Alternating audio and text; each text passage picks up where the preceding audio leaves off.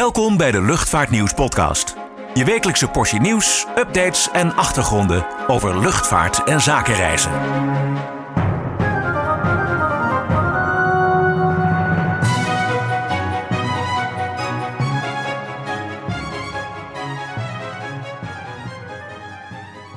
Hallo en welkom bij de Luchtvaartnieuws podcast. Mijn naam is Klaas-Jan van Woerkom en ik word vergezeld door Niek Vernooy. Zoals altijd nemen we weer het belangrijkste luchtvaart- en zakenreisnieuws van deze week met u door. Laten we maar gauw van start gaan. Begin deze week vond de IATA-top plaats. Deze keer was dat in Boston. Vorig jaar eh, was Amsterdam eh, de locatie, maar vanwege de coronarestricties verliep alles volledig digitaal. Hoe was dat nu, Niek? Ja, het was deze keer een hybride evenement, zoals dat heet. Veel afgevaardigden konden naar Boston afreizen, maar ook heel veel nog niet. Zo waren er geen Nederlandse vertegenwoordigers van de pers, zoals dat gebruikelijk wel het geval is. En ook wij moesten het op afstand volgen, digitaal. Ja, nou, gelukkig kon dat wel. Wat waren de highlights? Uh, als eerste de aankondiging uh, van IATA om zich te committeren aan een CO2-neutrale luchtvaart in 2050. Dat is een lijn met de doelen van het klimaatakkoord van Parijs. Op zich geen groot nieuws. Hè. Veel luchtvaartmaatschappijen hebben zich dit al ten doel gesteld, los van IATA. Uh, en de verduurzaming moet vooral komen door het gebruik van duurzame kerosine. Maar ook elektrisch vliegen of waterstofvoortstuwing moeten eraan bijdragen. Of dat wereldwijd gaat lukken is wel de vraag. Hè. Er waren wel wat kritische geluiden. Uh, met name voor luchtvaartmaatschappijen uit ontwikkelingslanden zou 2050 te vroeg kunnen komen. Verder deed IATA nogmaals een oproep om internationale reisrestricties te schrappen. Die zijn volgens topman Willy Walsh buitenproportioneel en staan een herstel van het internationale vliegverkeer in de weg. De regels zijn volgens IATA veel te ingewikkeld en weinig consistent. En nu steeds meer reizigers eh, volledig gevaccineerd zijn, is het tijd om te versoepelen, zo klonk het. Uh, volledig gevaccineerde reizigers zouden volgens IATA volledig zonder belemmeringen moeten kunnen reizen zelfs. Ja, en langzamerhand versoepelen steeds meer landen de reisrestricties. Canada is sinds kort alweer open voor internationale reizigers, de VS en Australië in november. Maar Azië, dat blijft een lastig verhaal, toch? Ja, ik stelde die vraag tijdens een online persmeeting in het kader van de IATA-jaarvergadering aan KLM-directeur Pieter Elbers. En wat betreft China, traditioneel een belangrijke markt voor de KLM, is er volgens hem eigenlijk nog geen zicht op een heropening van de grenzen. Maar hij optimistisch over Azië nu Thailand weer open gaat en Singapore de regels gaat versoepelen. En hij zei ook hoopvol te zijn dat medio volgend jaar, wanneer de volgende IATA-top in eh, Shanghai plaatsvindt, China weer open is voor internationale reizigers. Maar ja, niet zo zeker. Nee, precies. Trouwens wel uh, opvallend dat er nu voor China wordt gekozen hè, als uh, locatie voor de volgende top, aangezien natuurlijk die hele coronacrisis daar uh, vandaan komt. Maar goed, in ieder geval, wat, wat speelde er verder op de IATA-top? Ja, opvallend was de zware kritiek die IATA uitte op luchthavens en luchtverkeersleidingsorganisaties, die op diverse plekken wereldwijd hun tarieven gaan verhogen. Uh, Schiphol, dat de tarieven gefaseerd met uh, 40% zou willen verhogen. En Eurocontrol in Europa zijn daar voorbeelden van. Uh, Willy Walsh noemde het schandelijk dat luchthavens en luchtverkeersleidingsdiensten de financiële last van de coronacrisis op hun klanten afwentelen. En typisch iets voor monopolisten, zo zei hij. Ja, en daarmee lokte Walsh weer een reactie uit van ACI Europe, dat is de brancheorganisatie van Europese luchthavens. Die noemde het op zijn beurt uh, schandelijk dat IATA een vertekend beeld vertekend en gebrekkig beeld van de luchthavensector schetst. Eh, ACI voerde aan dat de luchthavens uh, vanwege het overwegend vaste karakter van hun kosten ontbreekt aan een marge voor kostenbesparingen. De organisatie benadrukte ook dat Europese luchthavens in tegenstelling tot uh, de airlines niet hebben geprofiteerd van financiële noodsteun van overheden. En de economische situatie van veel luchthavens is daardoor nog steeds slecht. Uh, volgens Oliver Jankovic, dat is de directeur-generaal van ACI Europe, is er eigenlijk maar één optie om de geplande tariefverhogingen tegen te houden. Dat is financiële steun van regeringen voor airports. Ja, en ging uh, Pieter Elbers eigenlijk nog in op die uh, tariefverhoging op Schiphol? Ja, in antwoord op een vraag van een collega zei hij het pijnlijk te vinden dat Schiphol door IATA wordt genoemd als voorbeeld van hoe het niet moet. Op veel plekken op de wereld wordt een beleid gevoerd waarbij de verliezen worden gespreid en gedeeld. En er wordt ook gekeken naar hoe luchthavens en luchtvaartmaatschappijen er samen sterker uitkomen, uh, zo zei hij. Ehm, in Nederland is de tariefstructuur uh, van Schiphol in de wet vastgelegd. Dat is volgens Schiphol een systeem wat functioneert in normale tijden. Maar daar is nu geen sprake van, volgens hem. het is de allergrootste luchtvaartcrisis sinds de Tweede Wereldoorlog. Dus daar zit op zich wel wat in. Uh, en door de tarieven in de komende jaren met 40% te verhogen, worden volgens Elbers, uh, ja, wordt volgens Elbers het herstel in de kiem gesmoord. En, daar is teleurstelling over. Zeker ook omdat uh, op concurrerende luchthavens, zoals Parijs, Frankfurt en ook het Midden-Oosten, geen sprake is van dit soort verhogingen.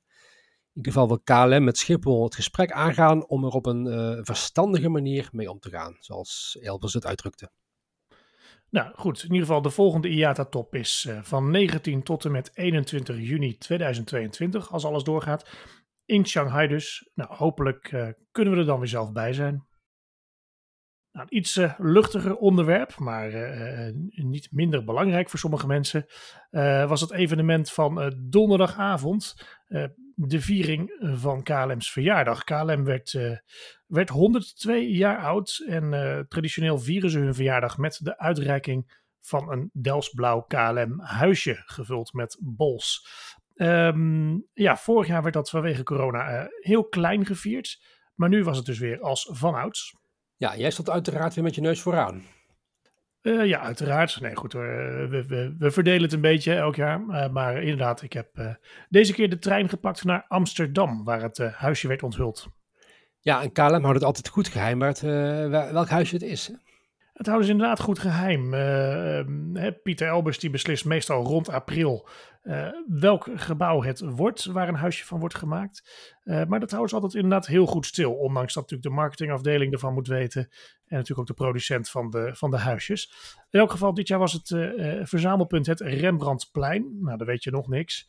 Want Amsterdam staat vol met historische gebouwen. En ze hebben er ook al 42, 42 van die gebouwen hebben inmiddels al door de jaren heen als voorbeeld gediend voor een KLM-huisje.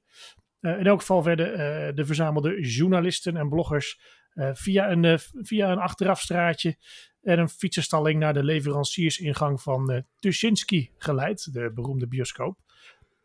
ja, daar was een zaaltje afgehuurd waar KLM's CFO Erik Swelheim de verzamelde pers informeerde over de laatste stand van zaken binnen KLM. Oké, geen Pieter Elbers. Zat hij nog in Boston? Nee, die was al wel terug uit Boston. Die was, uh, ik begreep, woensdag teruggekomen. Maar die vertoonde griepverschijnselen en, en verkoudheidsverschijnselen. Dus die bleef uit voorzorg thuis. Ehm, dus nou vanaf deze plek uiteraard van harte beterschap. Maar Tuschinski is dus huisje 102. Ja, dat klopt. Uh, Tuschinski is een, ja, een markant gebouw. Hè. Eh, de directeur van, uh, van Pathé, die, die was er ook. En die vertelde ook hè, dat het, vroeger werd het gezien als het lelijkste gebouw van, van de hele stad. En tegenwoordig is het ja, een pareltje. Hè. Het is natuurlijk heel opvallend. Verschillende design invloeden die daarin zijn toegepast. En um, ja, de, de presentatie lag trouwens bij Winston Gerstanovic. Zijn, zijn grootvader Abraham Tuschinski heeft destijds die bioscoop daar daar neergezet. En de bioscoop bestaat dus 100 jaar. Dus ja, een mooie, een mooie keuze zou ik zeggen. Ja, jij hebt het huisje uiteraard uitgereikt gekregen. Al op marktplaats gezet toevallig? Nee, nee, nee, nee. Nee, nee daar vind ik ze veel te leuk voor. Nee, die, uh, die komt gewoon in de verzameling. Maar nee, het is altijd wel grappig na zo'n uitreiking. Als je dan op weg naar huis, in dit geval dus in de trein, even op marktplaats kijkt, dan staan er altijd heel snel al een paar huisjes op. Ik heb nu net voor deze uitzending nog even gekeken. Ik zag er drie staan. Ze worden ook veel gevraagd trouwens. Veel advertenties van hè, wie, wie heeft er eentje. En uh, ja, ze, ze gaan toch wel voor meer dan 200 euro nu weg. Maar ze zijn toch ook gewoon verkrijgbaar aan boord? Ja, ze zijn uh, verkrijgbaar als je, als je business class vliegt uh, met KLM, althans een verre business class vlucht maakt. Maar goed, er wordt nu minder gevlogen, dus ik kan me voorstellen dat, uh, ja, dat mensen dan eerder op marktplaats kijken. Aan de andere kant, er zijn er een miljoen van gemaakt. Dat zei Harm Kreulen althans, die er ook nog even was. De KLM Nederland-directeur die, eh, die vorige week nog afscheid nam. Een miljoen? Een miljoen, ja, er worden er een miljoen van gemaakt. Ja. En die worden overal, overal ter wereld natuurlijk naartoe gestuurd om, om daar ingeladen te worden op, op vluchten, ook naar Schiphol terug. Maar goed, in ieder geval de kans dat je er eentje krijgt is best wel aanwezig. In ieder geval, um, ja, verzamelaars. Ach, ik verzamel zelf ook dingetjes. Dus als je echt iets graag wil hebben en je wilt het nu hebben, dan ben je bereid om daarvoor te betalen. Goed, we gaan even naar de reclame en dan zijn we zo meteen weer terug. Word nu abonnee en ontvang 12 keer per jaar het Luchtvaartnieuws magazine. En onbeperkt toegang tot nieuws en achtergronden op luchtvaartnieuws.nl en zakenreisnieuws.nl. Ga voor meer informatie naar luchtvaartnieuws.nl/slash abonneren. Welkom terug.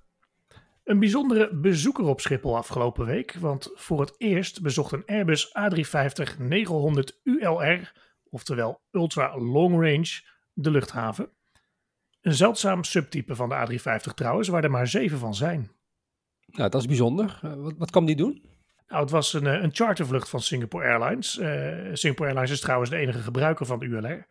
Uh, een Britse firma die had het toestel ingehuurd om 30 zeelieden van Amsterdam via Singapore naar Manila te vliegen.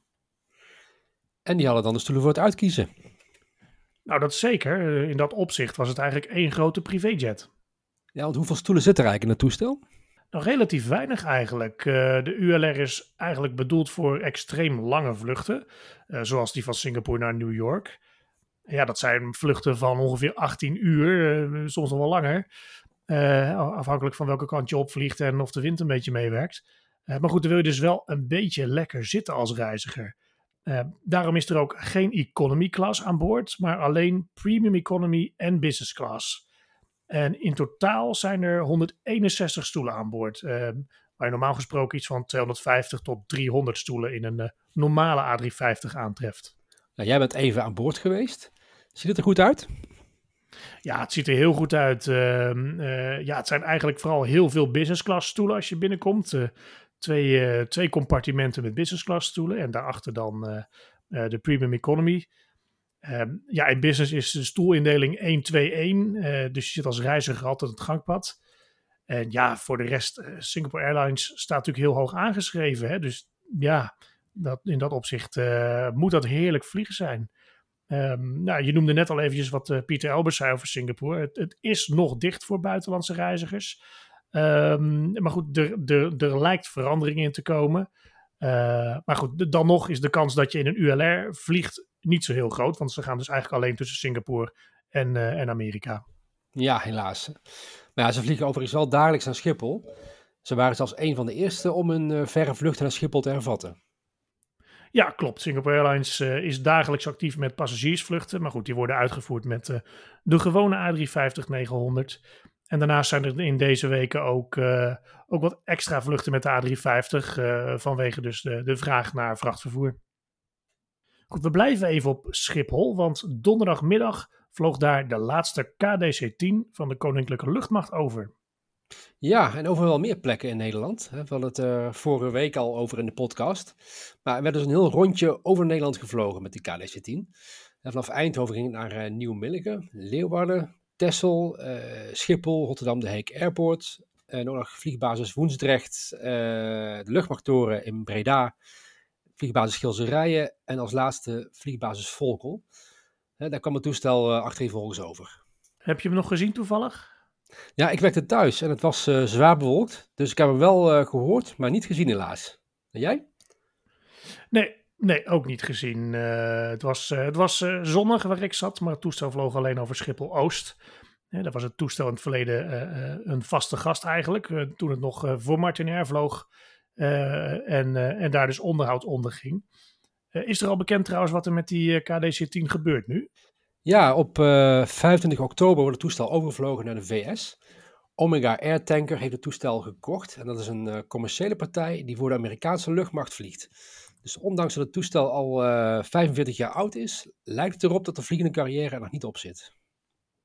Oké, nou, uh, op zich goed nieuws natuurlijk. Hè? Een beetje, tenminste nog een echt vliegtuig in de lucht. In ieder geval over, um, over drie weken dus het, uh, het definitieve afscheid. Dan uh, gaan we naar Alitalia, want ken jij die mop van die Alitalia-kist die naar Twente kwam? Nou, die kwam niet. Hè, dat is heel flauw, maar in dit geval wel van toepassing. Want vrijdagochtend zou het eerste Italiaanse vliegtuig op Twente Airport landen. Maar helaas, er was mist en ja, toestel is wel geweest. maar heeft de landing afgebroken en is teruggevlogen naar Rome. uiteindelijk komen ze wel, is de bedoeling. aangezien er op Twente Airport weer parkeerplek is. Sinds Lufthansa haar laatste Boeing 747's onlangs terughaalde naar Frankfurt. Ja, bijzonder eigenlijk dat de Italianen voor, voor Twente hebben gekozen. Ja, het uh, lijkt snel geregeld te zijn. Uh, goed, en ze hebben er acht opstelplaatsen voor vliegtuigen. Dus ja, het is goed dat die nu weer uh, geld gaan opleveren. En welke toestellen komen er eigenlijk? Nou, het, het was dus de bedoeling dat er vrijdagochtend twee Embraer 175 zouden landen. En zaterdag nog eentje. Maar de plannen zijn nu gewijzigd. zoals het er nu naar uitziet, komen er maandag drie toestellen naar Twente en woensdag twee. Dus in totaal vijf vliegtuigen. Dan weet je ook waarom ze daar worden geparkeerd? Um, ja, de, de vliegtuigen waren tot voor kort in gebruik bij Alitalia. Maar de leasecontracten die zijn afgelopen. En leasemaatschappij Nordic Aviation Capital, dat is de eigenaar van de toestellen, die moet ze daarom tijdelijk ergens kwijt tot zich een uh, nieuwe huurder meldt. Ja, het gaat trouwens om toestellen van Alitalia Cityliner, hè? Ja, klopt. Dat is een beetje het uh, KLM Cityhopper van Italië, alleen dan een heel stuk kleiner. Uh, en er hebben trouwens ook uh, een tijd terug Embraers van Alitalia op Maastricht gestaan, toch? Ja, die stond er een tijdje geleden toen ik daar was. maar die zijn inmiddels alweer weg, geloof ik. Um, hoewel ik dat niet helemaal, niet helemaal zeker weet. Is er trouwens een kans dat die Embraers op Twente worden ontmanteld door ALS? Uh, nee, dat is, uh, dat is niet de bedoeling. Nee, ze worden, ze worden er echt gewoon voor langere tijd gestald. En uh, ja, ze worden ook in vliegwaardige conditie gehouden. In dit geval door de technici van Direct Maintenance, dat hier op Schiphol zit. Ja, Italië houdt trouwens volgende week op te bestaan. Dus dat is wel bijzonder eigenlijk. Ja, klopt. Alitalia wordt ja, opgedoekt eigenlijk. Hè? En Vanaf 15 oktober staat opvolger ITA, ITA, al klaar om, uh, om, om, een groot deel van de vluchten te hervatten. Maar ja, het zou dus best kunnen dat die, uh, ja, dat die Embraers daar niet naartoe gaan. Het is toen niet helemaal duidelijk wat ITA precies wil. Ze nemen in ieder geval niet de hele vloot over. En ze hebben deze week ook een, een grote order aangekondigd voor de A320 Neo, de A220 en de A330 Neo. Dus het is nog even afwachten hoe lang uh, die toestellen er blijven staan en wat er, uh, wat er verder mee uh, gaat gebeuren. Goed, als laatste British Airways. De luchtvaartmaatschappij haalt de Airbus A380 weer van stal. Mooi nieuws, vind ik persoonlijk. Ja, zeker. Een aantal luchtvaartmaatschappijen heeft de A380 definitief afgestoten tijdens de coronacrisis, zoals Air France, Lufthansa en Etihad. Maar een aantal halen de A380 nu weer terug. Emirates en China Southern zijn ermee blijven vliegen. Uh, en ook Qantas, Singapore Airlines en nu dus ook uh, British Airways. Uh, en bij British Airways komen ze terug in dienst. trouwens ook bij Qatar Airways. Ja, ja, dacht ik ook inderdaad. En hoeveel, hoeveel neemt British Airways er weer in dienst? ja, vier van de twaalf voor nu. Aangezien er nog maar een paar routes zijn waar de toestellen ingezet kunnen worden. Qua aantallen passagiers. Dus, dus dan relatief klein. Ja, en waar, waar gaan ze heen?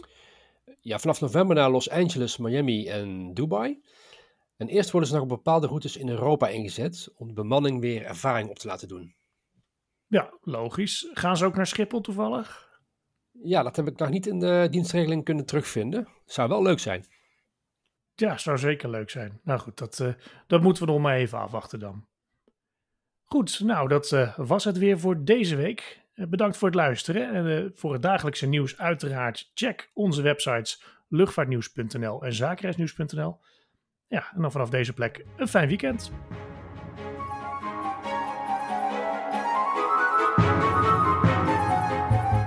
Bedankt voor het luisteren naar de Luchtvaartnieuws podcast. Voor opmerkingen, vragen of suggesties, mail ons redactie@luchtvaartnieuws.nl.